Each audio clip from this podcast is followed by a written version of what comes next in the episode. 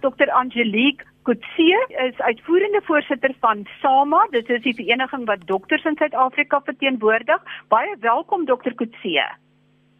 Baie dankie Marie en ook 'n baie goeie môre vir die ander mense daar buite. Baie dankie. En dan die ander gas op die lyn is Dr Johannes van Waart en hy is die president van Fossas. Nou dit is 'n ver, vereniging of 'n oorkoepelende liggaam wat 'n klomp verskillende chirurgiese verenigings verteenwoordig. Baie dankie en welkom dokter van Waart. Hallo Marie en ook baie baie welkom aan jou luisteraars. Goed. Ek wil vandag gesels, ons is nog steeds op COVID want ek kry so baie navrae van die publiek af en van luisteraars af en selfs van dokters af wat onseker is oor baie baie dinge en die hele stryd gaan nog steeds oor COVID versus nie COVID. En ek wil sommer wegspring en vra wat weet julle wat is die jongste situasie oor COVID en die voorspellings wat hulle gee. Kyk op 'n tyd het hulle voorspel dat daar 'n geweldige persentasie van die land gaan siek word en ons sien dit nog nie. Gaan dit werklik gebeur of wat is die jongste inligting wat deurgegee word vir SAMA? Uh, Dr. Kutse, wat moet ons ons voorreg maak nog steeds? Ja, ehm um, om uh, die die die, reine waarheid is die die die die luisteraars daar buite moet hulle vir nog vir die volgende 2 jaar ehm um, self gereed hou vir ehm um, COVID-19 infeksies want vir nie ten minste 70% van die land COVID-19 gekry het nie gaan ons nie kan sê ons het die ons is besig om die stryd te wen nie tensy daar 'n immuniseringsprogram ehm um, of 'n vaksines ehm um, uh, uh, uh, ontdek word binne die volgende 18 maande dan kan ons ten minste begin asemhaal en sê okay nou hoef daar nie meer 70% mense ontsteek te wees nie of ingeïnfekteer te word nie So ehm um, heidaglik is die getalle presies wat ons dink dit gaan wees. Ehm um, dis besig om te styg en dit gaan styg. En of dit gaan styg ehm um, so so dramaties, niemand van ons kan kan dit sê nie. Dit is nou maar alles vooruitskattinge wat gedoen word. En en 'n mens moet ehm um, realisties ook bly en wonder ehm um, of ehm um, dit meer gaan wees en gaan dit minder wees, maar soos die maande nou aanstap, gaan ons baie beter inligting data kry van van die Suid-Afrikaanse ehm um, infeksie uh, koers ehm um, as wat ons dit dan net met die Europese koers kan vergelyk. Maar wat ek wel kan sê is dat ons uh hospitaal gedrewe ehm um, intensiewe sorg uh uh koers nie so hoog is um, op een of ander manier is ons koers is is ons bietjie laer en ons in ons dodesyfer is 'n bietjie laer as die res van die wêreld. So erns is of dit 'n bietjie 'n veranderde tipe virus of ons doen dalk net beter. So dit is ehm um, dit is alles moontlikhede, maar dit is ek bedoel daar is nie dis 'n nuwe ding. Dit is nou maar ons gaan nou maar almal saam mee deur. Ja, maar voel dit vir julle of daar meer en meer nuwe inligting nou voorkom wat julle help om om die ding beter te bestuur of is mens nog baie in die duister of help die inligting wat al na vore gekom het? Um, ek kom bietjie sorry, jy kan ja. gaan gerus gaan aan. Ja. Ehm um, weet jy ehm um, ek wil ook hê dokter van Waart moet inkom hier op die hierdie is trial and error. Ons gaan aan en die die die inligting wat ter, ter sprake kom is maar meer weer eens um, op die gevalle wat in die in die uh uh ICU's ingaan en en daar gaan lê. Dis nie so seer die gevalle wat ehm um, van die 80% nie, dis ons redelik, die gaan ons baie mis want baie van die mense gaan nie eers weet hulle siek nie en die wat siek is gaan soos gewone verkoue lyk, like, so ons gaan hulle mis. En ehm um, daar gaan nog nie veel daar gebeur nie. So die inligting wat maar inkom is die inligting wat meer op die hoër 5% tot 10% van gevalle gerig is. Ehm um, ek weet nie of dokter van Waarte ander opinie daar het nie. Ja, ek dink ek dink in die eerste plek dink ek ons sien definitief meer gevalle en ek dink daar geen twyfel nie dat daar gaan 'n piek kom een of ander tyd en ek dink in die verskillende provinsies gaan dit waarskynlik op verskillende tye kom soos dit nou lyk. Ek dink ons moet maar regmaak daar gaan sterftes wees en dit gaan definitief baie meer wees as tans. Ehm um, maar ek dink ek dink ons almal verstaan die siekte nou al heelwat beter want daar kom nou van die histologie en van die patologie en van die biopsies wat in ander lande gedoen is uit om te sê dat die onderliggende patofisiologie is maar tot groot mate ook gekoppel aan die vorige SARS virus wat daar was wat longpatologie aanbetref, so die behandelingsmodaliteite stem baie ooreen. En ehm um, tevore verlede week het professor Andri Kutse op RSG 'n baie goeie lesing gegee of 'n praatjie gegee ook om te help om te verstaan. So ek dink ons verstaan definitief meer van die siekte nou as wat ons 'n maand en 6 weke gelede verstaan het en ek dink die die mense wat die voor in die lyn staan behandeling is is vaardig en ek dink ons het genoeg kennis op die oomblik om die regtig siek pasiënte as hulle vroeg genoeg te presenteer optimaal te kan behandel. Hou gaan nie suksesvol wees in alle gevalle nie, maar ek dink die die 3 weke en die 5 weke wat ons gehad het definitief het waarde bygevoeg en ek dink ons verstaan dit beter. So ek dink uh, ek dink van 'n van 'n privaat praktyk kant af dink ek is ons reg en ek dink van 'n van 'n publieke kant af dink ek gaan ons nooit meer reg wees as nou nie. Nou goed, dan wil ek hoor volgens prof, uh, professor Maddi wat voorheen die hoof was van die Nasionale Instituut vir Voorkombare Siektes is op aansteeklike siektes. Voorspel hy dat daar omtrent so 25000 gevalle hierdie jaar gaan sterf. So dit klink skrikwekkend. Maar as mens dit vergelyk, dan is dit dieselfde as die hoeveelheid TB sterftes per jaar, dis dieselfde as die hoeveelheid diabetes sterftes per jaar, dis dieselfde as die hoeveelheid beroerte sterftes per jaar. Is my groot kommer en ek en ek sê asseblief vir my as ek verkeerd is, is dat daar nou so groot fokus op COVID is dat nie COVID amper een kant toe geskuif word en dalk uh um ja, dalk nie die aandag kry wat dit behoort te kry nie. Is dit is dit so of het nou die kat aan die stert beet? Maar nie, miskien kan ek hier inkom. Ek stem absoluut 100% in jou saam. Ek dink dit wat 'n ou nou leer is dat uh, ek dink die piek gaan heel waarskynlik 'n bietjie hoër wees as wat jy sou sê sê voorstellings, maar ek dink in dieselfde orde grootte. Maar maar mense is nou so bang dat hulle gaan nie na die klinieke toe vir hulle vir hulle HIV medikasie nie of kom nie daar uit nie of vir hulle tuberkulose medikasie nie. En ons weet tussen 40 en 60000 mense sterf per jaar aan tuberkulose. Nou as hulle nie daai medikasie kry nie, dan maak hulle hulle definitief meer vatbaar sou hulle dan nou die koronavirus kry. So ek dink hierdie wat ons nou in die oomblik sien uitspeel is nie meer 'n mediese krisis nie. Hierdie is meer 'n humanitêre krisis op die oomblik. Ek dink ons is redelik gerad om die medisyne gedeelte te hanteer. Ek dink nie ons gaan dit absoluut perfek kan doen nie, die stelsel nie, maar ek dink 'n ou moet nou ander rolspelers hierby betrek wat regtig ook insette moet lewer in in die die wat die Afrikaanse woord vir spinoffs vir die goed wat verkeerd is wat nou hier as gevolg van is is en ek stem saam. Ek dink ons moet nou nie net meer fokus op die COVID nie, ons moet nou 'n bietjie weier begin sien. Dokter Kutsie, is dit ook Sama se se mening of of jou ja. persoonlike ja. mening? Same en my persoonlike mening, die ehm um, wat ons sien, ehm um, ons gaan 'n tweede tragedie kry.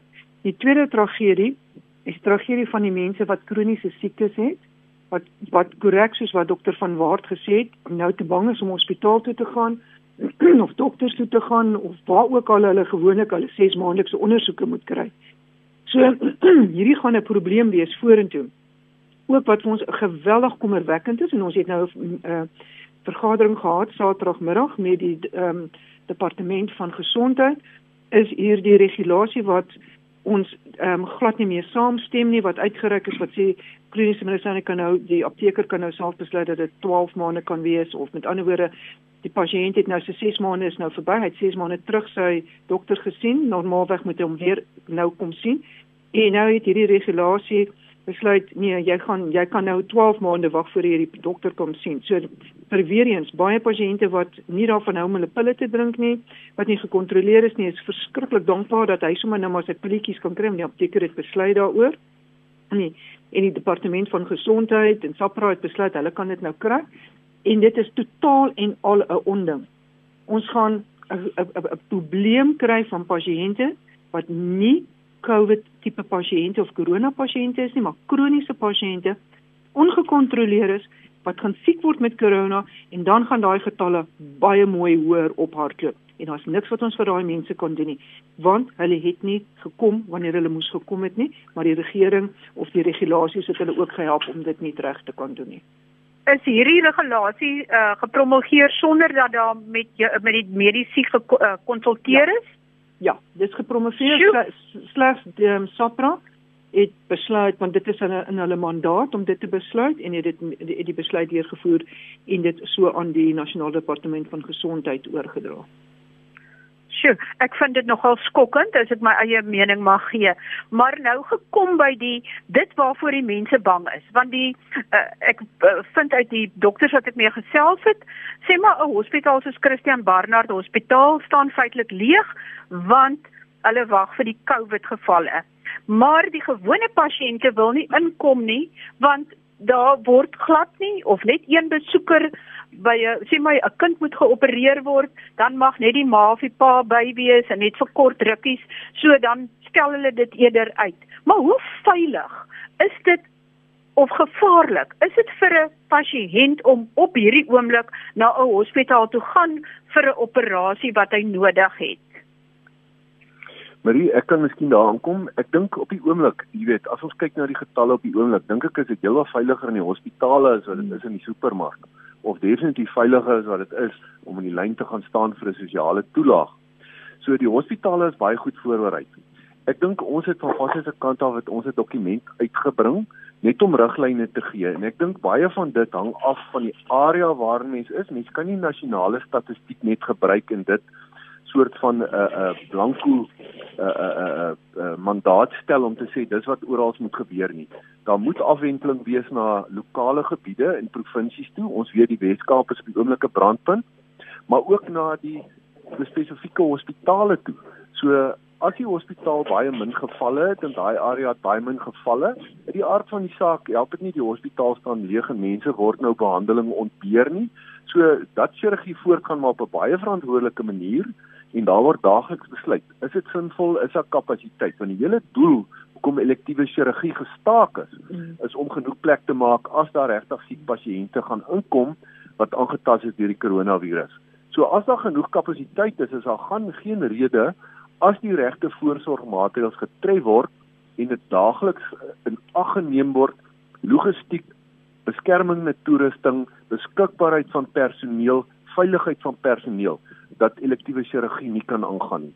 So in in terme van besoekers, ek dink die verantwoordelike ding is om te probeer om so min as moontlik verkeer in 'n hospitaal te kry want dit is potensieel brandpunte. Maar vir ouers om kinders te gaan besoek wat klein is en operasie gekry het, dink ek is is definitief 'n redelike versoek.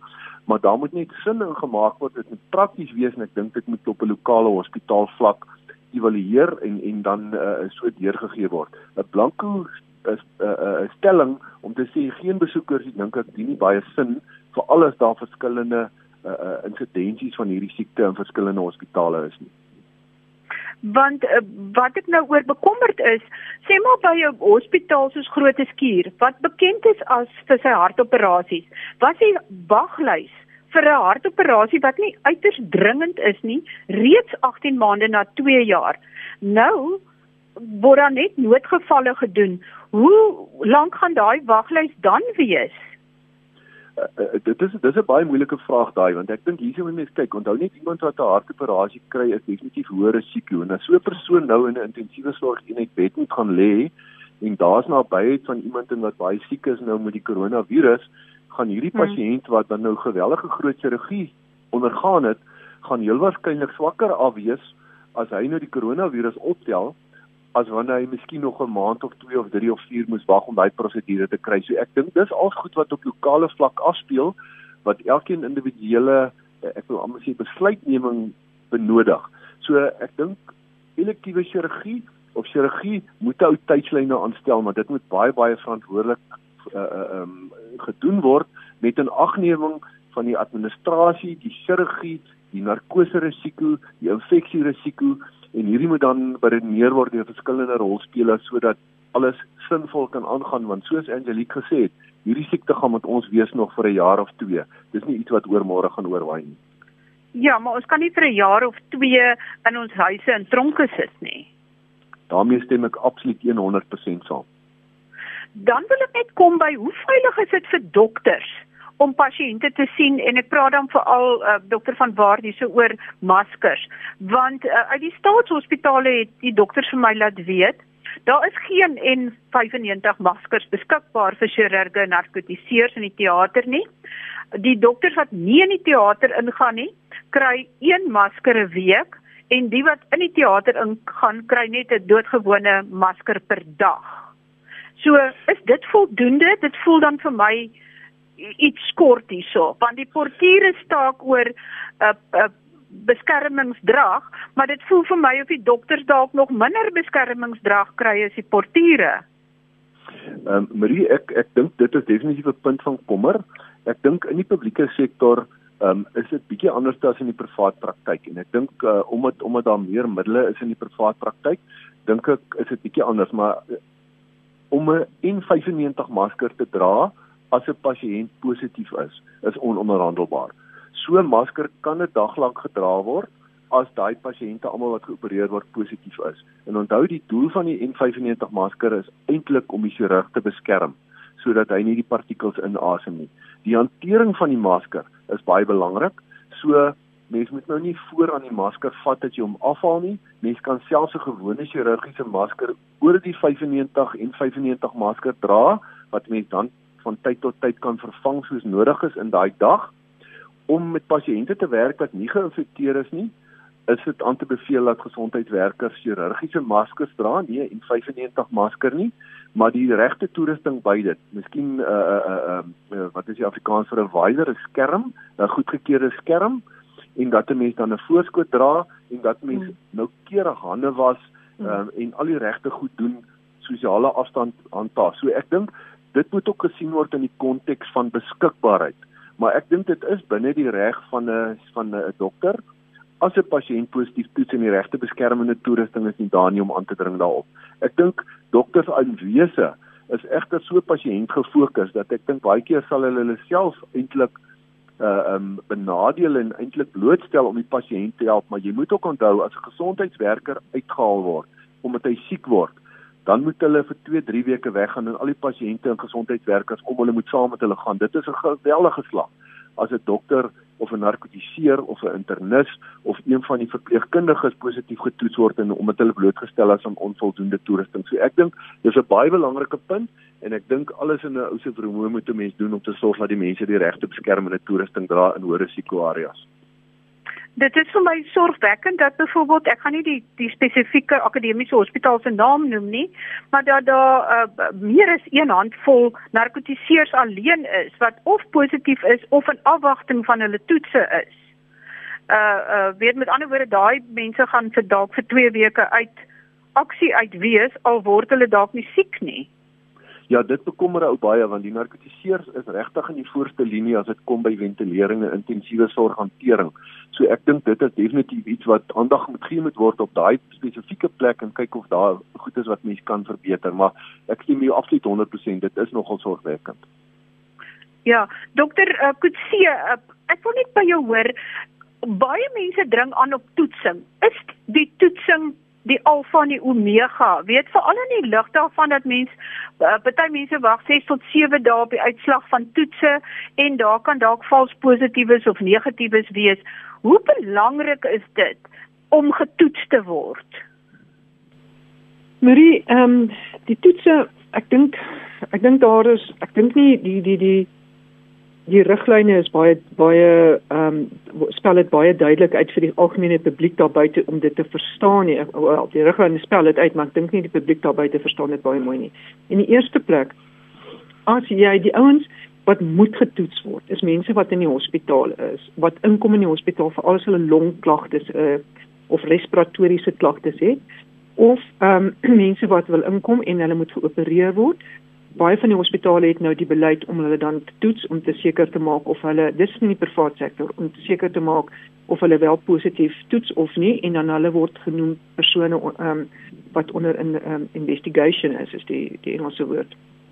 So ehm um, hulle word dan uh, uh, een kant gesit en of in sale gesit en aan die oomblik wat hulle toetse uitkom is hulle dan en is negatief dan gaan hulle verder deur wat wat ook al die prosedure is wat hulle moet doen of waar waar ook hulle voor ingekom het.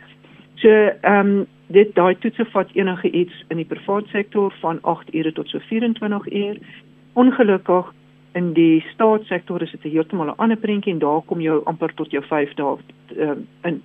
So die probleem is pasiënte wat in die in die, in die um, staatssektor is en dan in die publieke hospitale ingaan. Daai 5 dae sit hy kan hy of by die huis gaan sit of hy gaan sit binne in 'n saal um, waar hy ook nou as 'n persoon onder um investigation is om te wag om hierdie goed om terug te kom. Ehm um, die die risiko met ander mense om jou aan te steek, die personeel, al daai goeters ehm um, verhoog redelik baie.